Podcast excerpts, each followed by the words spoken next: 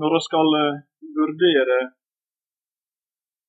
heim, heimen, heimevernet sin framtid, og vi har en viss innsikt i hva vi trenger vern imot. Når vi skal forstå den kristne heimen som motkultur, trenger vi også forstand på hva den skal være kultur imot. Og Jeg har derfor tenkt å begynne i den andre enden av historien, der med slutten av den situasjonsanalysen som Børre starta på i første Mosebok kapittel 3. Og Jeg har mora meg med å bla i avisbunken for siste veka og oppdaga hvor superaktuelt temaet vårt er. Menn er familieskulkere, sier førsteamanuensis Kari Moxnes ved Universitetet i Trondheim, og har doktorgrad for skilsmisse og uttaler seg i samband med offentliggjøring av fylkesmannens sin statistikk over skilsmissetallene, Menn prioriterer ikke familien høyt nok og overlater ansvaret for barna til kvinnen. To. En Unicef-rapport minner om at tallet på selvmord mellom tenåringer vokser raskere i Norge enn i noe annet land i verden. Tre. Et institutt som heter Ungforsk, har lagt fram tall på at 10% av tenåringene gjør selvmordsforsøk hvert år. Og Så kommer vår tids presteskap på banen, psykologer og psykiatere, og samstemt erklærer at grunnen er at grunnvollene svikter. Heimene er gått i oppløsning, voksenkontakter for barn og ungdom blir formidla mer gjennom TV og video enn gjennom levende mennesker. Og sjefpsykologen Magne Raundalen sier at da må det offentlige ta over barnekjeden. Dagsrevyen i går ettermiddag meldte at i den vestlige verden er menns evne til sædproduksjon redusert med 40% de siste 20 årene. Og punkt 5. De svenske biskopene ber prestene om å holde forbønn for homofile par for å råde bot på fortrykket mot de homoseksuelle, som det kalles. Der trengs det flere vitner. Oss fikser rett og slett ikke det å ta oss av våre barn. Oss fikser ikke det å være voksne mennesker, modne mennesker, enn seg være far og være mor. Barna våre dør, og så blir vi straffa så vi mister til slutt evna til å produsere barn og den gudskapte kjønnsdrifta blir pervertert inn i nasjonen. Kyrkja er også så til gagns forvirra at hun ikke kan annet enn å velsigne tinga sin perverterte tilstand. Det seksuelle rollespillet har gått i stå. Familielivet sin dynamikk har mista sin kraft, og ektefolka sitt fellesskap har mista sin saft. Teologiprofessor Alf Herdelin i Uppsala skriver i siste nummer av Svensk pastoraltidsskrift om brevet fra de svenske biskopene. Det er et konsekvent opprør mot skapelsens tvåkjønnede komplementære grunnstruktur. Det er vel ikke trohet som skal anbefales og velsignes, utan dess raka motsats, uppbrottet ur relation, omvändelse till ett nytt liv. Men enligt biskopsmötet är det tydligen tvärtom så att den som bryter upp ur en homosexuell relation gör sig skyldig till ett trohetsbrott. Och det vill man förebygga med förbud. Det handlar om ett obehag inför skapelsen i dess tvåkönade struktur. Det rör sig om en karikatyr, en satanisk perversion inte endast av skapelseordningen, utan än mer av det frälsningsmysterium man firar i, i eukaristin. och som det är en kristen människas uppgift att gestalta i sitt liv. Problemer for ekteskap, familie og heim kommer som et symptom på en dypere kulturkrise. Og Jeg tror at et studium av kulturhistoria vil vise at det har vært slik ved alle store kulturskifter ned i år. Det viser seg i Matteusevangeliet og i Paulusbreva ved overgangen fra jødekristne til heidningekristne kirkeliv. Det viser seg ved overgangen fra urkirka til folkekirkeboka i skriv hos Origines og Basilius. Det viser seg i den tidlige mellomalderen ved overgangen fra seinantikke til den germanske tida. På 1500-tallet i samband med misjonsframstøytene fra Vesten til Asia og Sør-Amerika, og i dag. Da vi er i ferd med å bryte opp fra en egenskapelig og statisk kultur til en pluralistisk og omskiftet. Auka mobilitet, strukturendringer, har skapt som resultat ustabilitet også på praktisk. Samfunnet sitt etiske fundament er i ferd med å brytes ut, og ekteskapet som samlivsform er i ferd med å miste sin støtte både i lovgivninga og i den allmenne mentaliteten. Alt er likegyldig. Det har vært fornyende for min tankegang å lese den amerikanske kulturhistorikeren Christopher Lesch si, si bok om, om uh, heimen. Han eh, ga den ut for 15 år siden, og den er en dyptgående analyse av hvordan familielivet blir oppløst i vårt samfunn.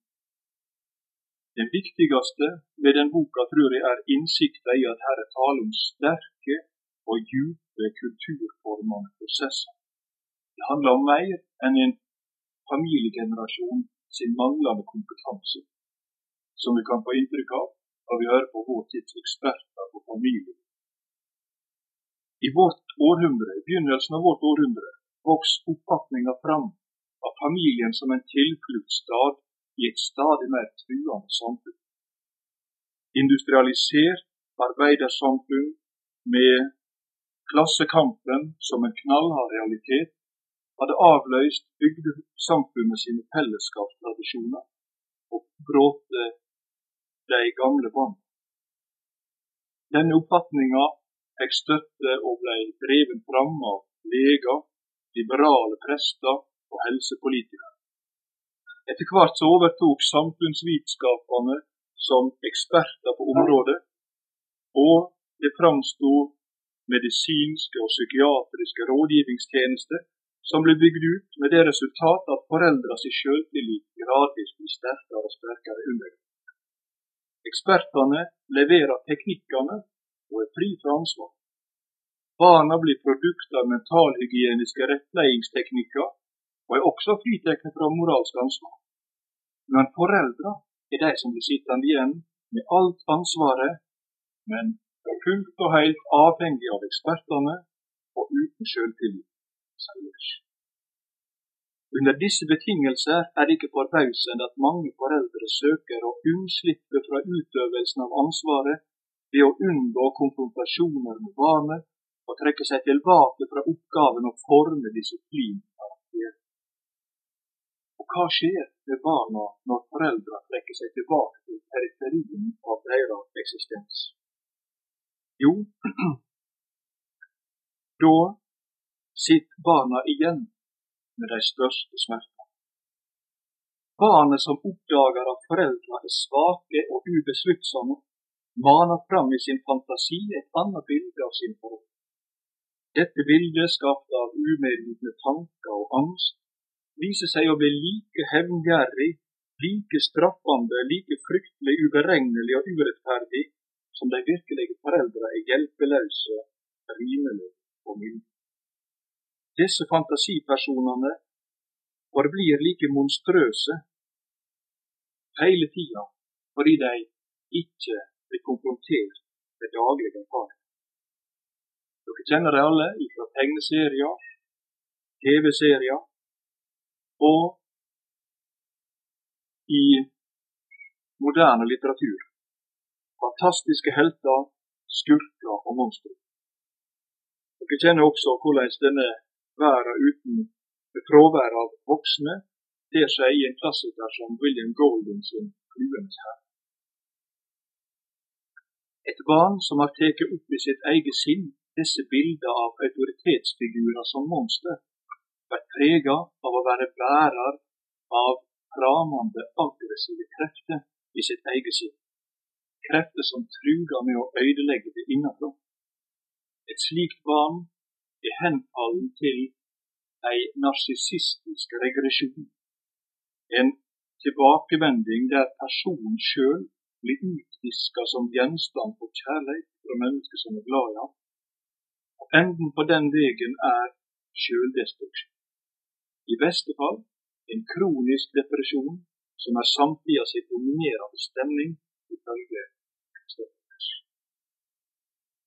Eller for å bli i alt herlig sin ord Hvilke enn de teologiske grundene og de mer psykologiske drivkraftene er, som kan være verksomme i hele dette elendige skålespillet, kan man være overtyget om at det finnes en velmaskeret, ljusskygg figur som ler med velbehag fra sin plass i kulissene.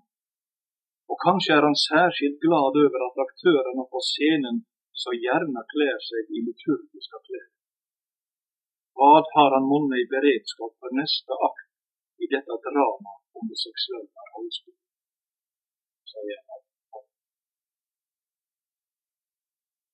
Hvor er det blitt av Guds paradistanke? De første orda han hørte, det første mennesket, var disse. Det er ikke godt for mann å være. Jeg vil gi han ei hjelp som prøver på ham. Og så skapte Gud av det første mennesket den første heim. Og sidebeinet Herren Gud hadde tatt fra mannen, bygde han en kvinne, og han leide henne bort til ham. Da sa mannen, dette er da bein av dine bein og kjøtt av mitt kjøtt. Hun skal kalles kvinne, for hun er egen mann. Derfor skal mannen skilles fra far sin og mor si og holde seg til kona si og de to Det er Guds barn. Ett i ånd, ett i sjel og ett i kropp. Egenskapen av to like verdige, men unike personer, fysisk, sjelelig og åndelig. Denne egenskapen er heimen sitt fenomen. Kvinna tar imot mannen sitt såkorn, omslutter det, nære det og det vokse. Det blir en del av hennes egen kropp, og hun returnerer det som et barn. Barnet er ei bru mellom far og mor, så de tre blir ett. All tidlig i kirkas historie ble ekteskap sett på linje med klosterliv når det gjaldt å være bilde på det nye fellesskapet i det frambrytende gudsriket. Ved kirkemøtet i Nikea ble det offisielt bestemt at det skulle være sånn. På hver sin måte har disse to institusjonene som oppgave å restaurere egenskaper som synd har blåst sund. Klosterliv og familieliv er begge å regne som kommuniteter, utskilde fra og verna mot verda, og samstundes som motkulturer midt i verden. Det er vitne om det livet som ikke er av denne verden. Det peker framover på den fullkomne egenskapen Gud skal opprette når han gjør alle til byer. Egenskapen mellom mann og kvinne, egenskapen mellom mennesker og natur, egenskapen mellom himmel Guds nyskapende gjerning etterlet seg synlige bilder, tegn og mønster midt imot oss. Ja, Paulus går, som vi har alt har hørt, enda lenger og omtaler ekteskapet som et sakramentalt tegn. Det skal jeg ikke utdype, for det er allerede utdypet. I kirka har altså heimen blitt sett opp som et gudsrike tegn. I samfunnet derimot er et annet tegn sett opp som det endelige, som det høgste, det fremste, som endetidstegnet. Og det er frigjøring. Det store slagordet er frigjøring. Siste utviklingsstadiet i menneskets historie så langt.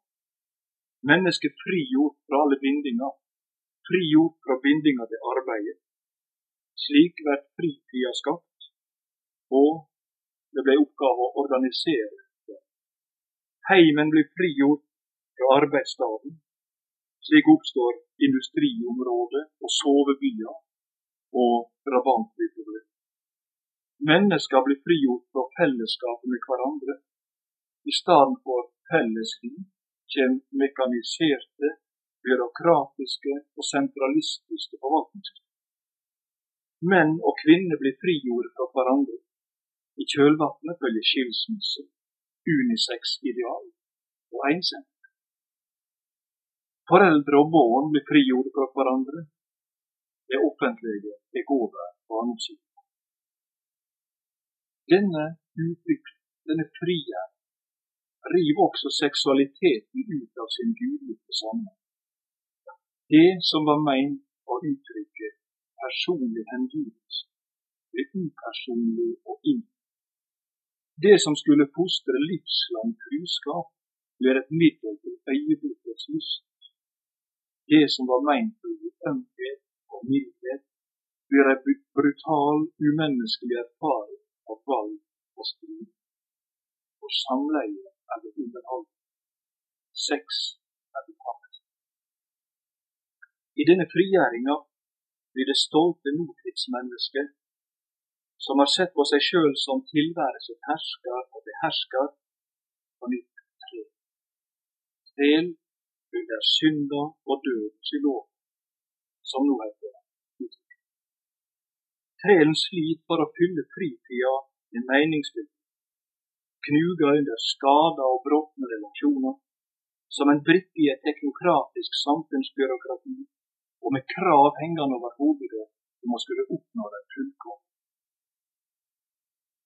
Familien er også hardt ramma av den utviklingen. Familien er den siste hemsko for det frigjorte menneskets sjølutvikling. Heimen representerer bånd, forpliktinger, grenser som kolliderer med frihet. I stedet for en stad der mennesker hører til, blir da heimen gjort om til en servicestasjon en å passere på veien ut til det virkelige liv. Slik har det fenomenet oppstått som vi kaller funksjonstapping. Suppeposene, mikrobølgene og cateringselskapene har tatt over familien sine fellesaktiviteter. Pizzahuset leverer lørdagskosen, og NRK Viken sørger for det sosiale fellesskapet. Hva gjør familiemedlemmene i lag når alle er frigjort for hverandre? Utsiktene for familien er ikke lyse i dette perspektivet. Utviklinga handler rett og slett om det. At vi i vår generasjon er i ferd med å legge en tusenårig tradisjon som heter familieliv i Guds. Fins det da, for en generasjon som skal leve på branntuppene, noe igjen av bærekraftige forestillinger? Jeg har henta tre stikkord ifra en svensk filosof som heter Tage Lindborg. Han sier det er tre tradisjonelle forestillinger å knytte familieliv på og henge heimen som Gudsrikets motkulturelle tegn på. Det ene er kjærlighet. Familien er kjærleiken sin grunnleggende manifestasjonsform i verden. Det andre er at familien, så lenge menn produserer sæd, er, jord, jord, er jordisk forlenging og skaperhjerte. Familien er hver ny generasjon sin første kultplass. Kjærleiken, skapinga og kult. Det kan en familie- eller heimteologi igjen bygges opp omkring. Kjærleiken mellom mann og kvinne, der de to gir seg til hverandre i skapet. Slik Guds skaping er en kjærleiksakt, slik er menneskets handling. Den guddommelige skapergjerninga blir videreført, både gjennom forplantinga og gjennom familien sitt daglige liv og arbeid, der det personlige vekst og modning kan skje. Kjærleik og skaping. Og i denne sammenhengen oppstår et hjem, der hver ny generasjon møter livet og religion og tjenester og tilbedinga, mennesker og mysteriet er sagt. Som han sa det, Mathias Orheim, heimen har betyrt. Å tale om det åndelige livet kan sammenlignes med det å framkalle fargebilder. Negativen må framkalles før fargebildet. Og Jeg har lurt på kan det være at våre negative erfaringer er det som skal sette oss i gang med å finne tilbake til vår åndelige identitet? Kan det være våre tapte farsbilder, våre skilsmissesår og våre opplevinger av brutalisert sex som skal åpne for et nytt vokabular og kjærlighet? Kanskje kan vår erfaring av glemt kjønnsidentitet gi oss en ny evne til å fargelegge den kristne familien sitt rollemønster. Og vår erfaring av ensem setter oss i stand til på ny å tale om det å høre til. Jeg har lyst til å bringe de neste punktene mine i tre stikkord, som saklig sett korresponderer med det Hage Lindbom eh, beskrev som kjærlighet, skapende kunnskap, men som er gitt med andre. Det første stikkordet er kommune. Fellesskap. Sameid. Et menneskebarn sett til verden har en lang vei å gå. Lenger enn dyra sine nyfødte skaper. Et dyr kan oftest stå på egne bein like etter fødselen. Et menneskebarn reiser seg aldri av vogga med egen hjelp. Menneskets livsfunksjoner må så å si vekkes til live ved kjærlig berøring hud mot hud, og mennesket sine sanser stimuleres til livet. Hvorfor er det ellers at vi instinktivt bøyer oss over ei barnevogn eller ei vogge for å lokke fram øyekontakt, lyd? Det vesle mennesket skal bli en person med både eg medvitt og samstundes med evne til å leve i en fellesskap. Hvor kan denne modningsprosessen skje? I hva slags kontekst finnes det mulighet for at et hjelpeløst spedbarn av menneskeslekt kan modnes og vokse til en voksen person? Annet Et barn som skal bli til en personligdom, eller som skal modne fram den personligdommen vi er skapt med, kan ikke komme utenom en fellesskap som gir det kroppslig og sjelelig vern, truverdige forbilder og konfrontasjon. Det er i samlivet i familien at grunn kan legges for både personlig liv og sosial tid. Et samfunn som forkynner at den høyeste lykke finnes gjennom ei maksimal hevding av egen nytte, kan aldri oppdra noen mennesker. Hvordan skal sjølrealisering gjennom frigjøring kunne skape lykke for alle? Det familien bygger på, kan ikke sameines med interessemenneskets sjølrealisering. Tage Lindbom sier vi møter allerede en generasjon som innrømmer at de er farløse, og som byr fram alle tegn på hva som skjer når en normal modning har uteblitt.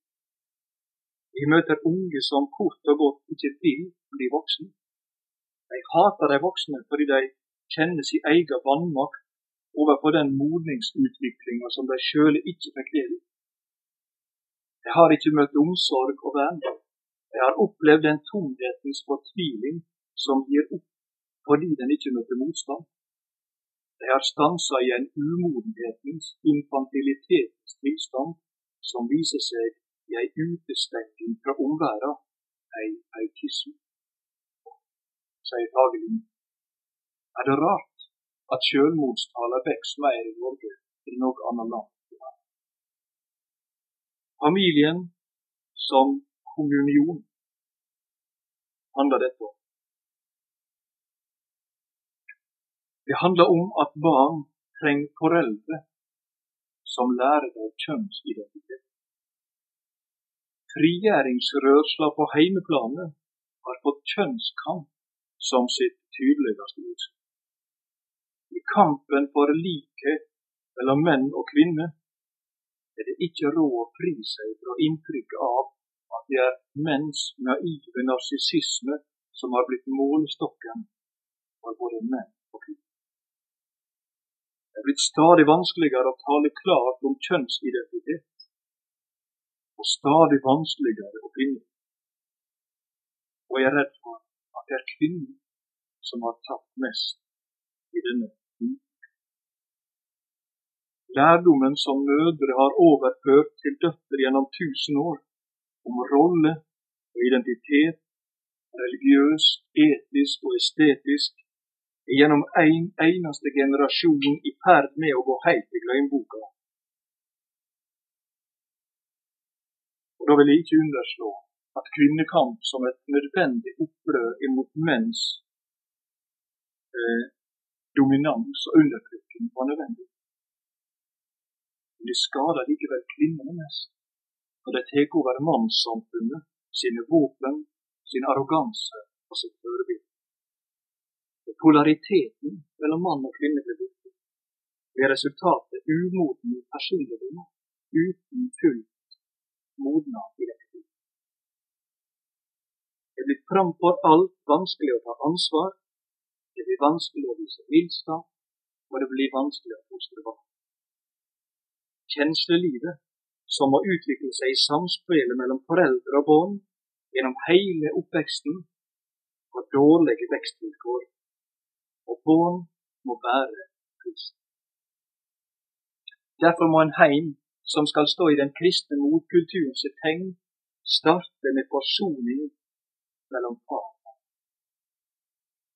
Der kjønnskampen blir byttet ut med forsoning, kan det vokse en kultur og dyrking av skjøre mennesker. En motkulturell heim er derfor først en tilgjeving av sitt stad der foreldra gir hverandre trygg respekt for hverandres egenart, for forskjellen på far og mor, og for deres komplementaritet. Det viser seg ved at familielivet lar seg speile i de nytestamentlige hustavlene sine format. En slik heim blir prega av sjøloppofrende kjærlighet og respekt, og ikke av Her kan et barn få stabile relasjoner som ikke opptrer. Her kan mannsrolle og kvinnerolle traderes til nye generasjoner. Og det blir som Mathias Orheim har sagt i neste vers. Til alt mitt arbeid stig engler ned, de har Guds rike velsignet. Det andre kjennetegnet på en motkulturell heim er uttrykket hospital. På engelsk betyr 'hospitality' gjestfri. Og det engelske språket har bevart den nære slektskapen mellom 'hospitality' og 'hostility', som er en, nær, en slektskap ikke bare i ord, men også i sak. Gjennom hele Skrifta er gjestfridom ei høgt skatta Ikke bare som ei moralsk forplikting, for de bibelske fortellingene handler om gjester som ber med seg dyrebare gaver til de som tar imot dem. Vår trusfar Abraham tok imot tre framande i Mamre lund og bød dem vann, brød og en velgjørt kalv. Da åpenbærer de seg som Herre, med gledelig båt om at Sara skulle få en sønn. Da enka i Sarepta bød Elia husrom og mat, åpenbærer han seg for henne som en gudsmann som ga henne overflod av mat og olje og vekte sønnene opp til døde. Da de to Emmaus-vandrerne var den framande med inn til måltidsfellesskap og overnatting, åpenbærer han seg for dem som den oppstandende Herre, og han ble brød. Er dette forfatteren av Hebreerbrevet sier kapittel 13, glem ikke å være gjestvilde, for på den måten har noen uten å vite det hatt engler til gjest. Læring til for å oppdage at i vår kultur er vi oppdrevet mer til å stille Når folk setter doble dører låser på ytterdøra si for nettopp å hindre uvedenhet. Når offentlige bygninger engasjerer vaktselskap for å holde uvedkommende. Når vi ikke våger lenger å ta på haikere langs landeveien. Når, fly, når de på flyplassene fjerner all ubevokta bagasje. Ramannfolk er farlige inntil det Konkurransen mellom kolleger og naboer har gjort mangt et statsmøte, mang en arbeidsplass og mangt et nabolag om til et fatalt slagmark. De viktigste gjestene i en mann og en kvinnes heim er heim. Barn er ikke eiendom vi forvalter, en gave og forvalte. Barn er gjester som kommer i heimen vår, ber oss om å oppdrage dem, blir der ei stund og går seg videre. Barn er fremmede som vi må lære å kjenne. De har med seg løgnede skatter som blir tatt fram der de blir gjestfrie. Det er tidkrevende arbeid å lære seg en fremmed kar å kjenne, han tro og få han til å kjenne seg hjemme. En stad der han både er velkommen og der det finnes trygge grenser for livet hans. En stad der han kan stille alle spørsmål uten å frykte, prøve ut livet uten å risikere å bli avvist. Alle foreldre er det kanskje nødvendig å si det. Dette gjør med utgangspunkt i at vi har fått barn som er ferdig bli voksne. La så barna dine få fred, slik at når de forlater far og mor for å skape sin egen heim. Sitt eget vertshus for en ny generasjon. At de blir sendt ut til livets side som Abraham. Heimen er altså en del av spillet. Del av løgndommen i vår gudstro og vår gudskultur. Heimen må derfor som motkultur i verden finne sin plass som motkult i verden, og det er det tredje bud så er min tjeneste stor for Gud og av er kirke. Når Luther utforma den vesle katekismen, var hans program hvordan en par på en enfelt måte skal lære fornyet. Gjennom mellomalderen hadde klostra vært sentrum for opplæring i kristendom. Det var noe for Luthers visjon var at den, den oppgaven måtte de kristne familiene ta over. Hva da i vår tid? De kristne familiene er. Jeg har spurt meg sjøl om ikke vi trenger førebilder som kan restaurere heimen som trosbygg. Og jeg lurer på om ikke vi må gripe tilbake til det første Nikea-konsilet, som setter opp heimen eller familien og klosteret som sidestilte Guds rike.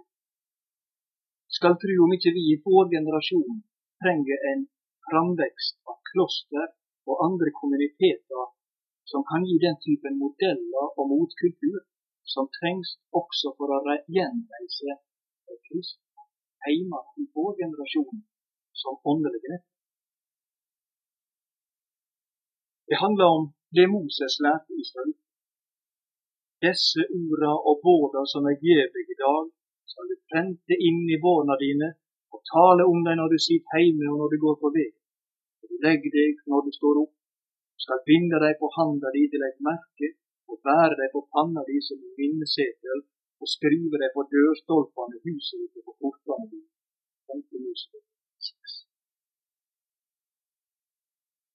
En kan som voksen glemme innholdet i hva en en gang hørte om kristen tro. Sjelden de spesielle inntrykk knyttet til bevisstheten om at en i barndommen lærte å be. Det er kanskje litt av forklaringen på at frafallet hos personer fra troende familier er påfallende mindre for bønn praktiseres til barn, sier lektor Sigmund Haraldsson til doktor en, et institutt i Minneapolis gjorde for et år siden en rundspørring til 19 000 tenåringer fra familier som var aktive kirkemedlemmer. Jeg spurte dem om hvor ofte de snakka sammen i familien om Gud, om Bibelen og om religiøse. Jeg tror ikke dette er statistikk som bare gjelder USA. Hvor ofte snakker dere om Gud? 42 svarte han. 13 svarte ikke. Hvem kan i våre kirkelyder stole på at barna våre får det andre plasser enn hjemme? Hvem kan stole på at kristendomsundervisninga i skolen og konfirmantundervisninga fører de unge inn i katekismen? Hvor finnes det ungdomsmiljø som lever sant kristen? Det er livsfarlig for en kristen familie om den ikke er prega av aktiv radering av katekismekunnskap og bønn. Jeg har ikke noe patentoppskrift på hvordan. Det må handle om foreldre som er aktive forbilder i søndagsfeiring, i daglig bønnepraksis, i å tolke tilværet sitt i lys og i å leve det i et hverdagsliv preget av at vi ytterst og elsker Gud over alle. Det var langt på vei bestemødrene som redda Russland fra ateisme. Kristendom kan raderes per bestemor. Det er eh, litt snålt, men jeg har likevel talt for et, eh, et plakat som en reverend Patrick Payton har satt opp langs riksveier i USA. Han starta en kampanje for Family Prayer. Han sier Family that prays together, stay. Det var noe annet å henge på hennes og plakat enn det som blir hengt opp dag. Ny vin. De to unge som holdt det allerede omtalte bryllupet i Kana inviterte Jesus. Og han kom, og han velsigna festen og samlet. Bryllupsdagen, den mest skjellsettende dag i et menneskes liv nest etter fødselsdagen og dødsdagen, skulle ikke det interessere han som skapte oss. Hvordan er det med oss ektepar? Inviterer til Jesus? Gir ektefolk i dag rom for at han kan gi dem velsigna sin kostelige liv. Han gleder seg over ektefolks lykke. Han sier ammen til samlivet deres, så de kan holde ut både i kuling, storm og solskinns. I vår tid gjør samtida mer for å bryte ekteskapet enn for å opprettholde det til døden skjellsord. Ekteskapet har en himmelsk herligdom. Når Jesus ble beden inn Det er en himmel av forskjell mellom et ekteskap velsignet av Jesus og et som bare er av en kontrakt underskrevet av slik. Arme oss, oss ledige skamløs. Det hellige i livet er kassert. Det gåtefulle ligger utbrodert og illustrert på enhver bensinstasjon. Mennesket er av vitskapen avkledd alt med dom. Det intime er slått opp på innsida av kafédørene. Dyna er løfta ut av ektesenga. Mystikk er bytt ut med teknikk. Det livslange er blitt bruk og kast. Mennesket som ber Guds bilde, er redusert til en gjenstand for tilfredsstillelse og begjær. Er det rart at ektefolk ikke holder ut til døden skiller dem? Er det rart at de unge flytter sammen uten å gifte seg, for å prøve hvordan det gå? For å prøve elsket. For å være trufaste for lyssom? Det er ikke nødvendig å ta det trivielle på alvor, og det er for lyst å ta det hele. Der er ikke verden. Herligdommen er borte. Frien er borte. Og der er ingen Jesus til å gjøre ut av oss. La oss be om nye tider. La oss be om tider da bitre kvinner ikke lenger går rundt med stempel på seg brukt og kastet.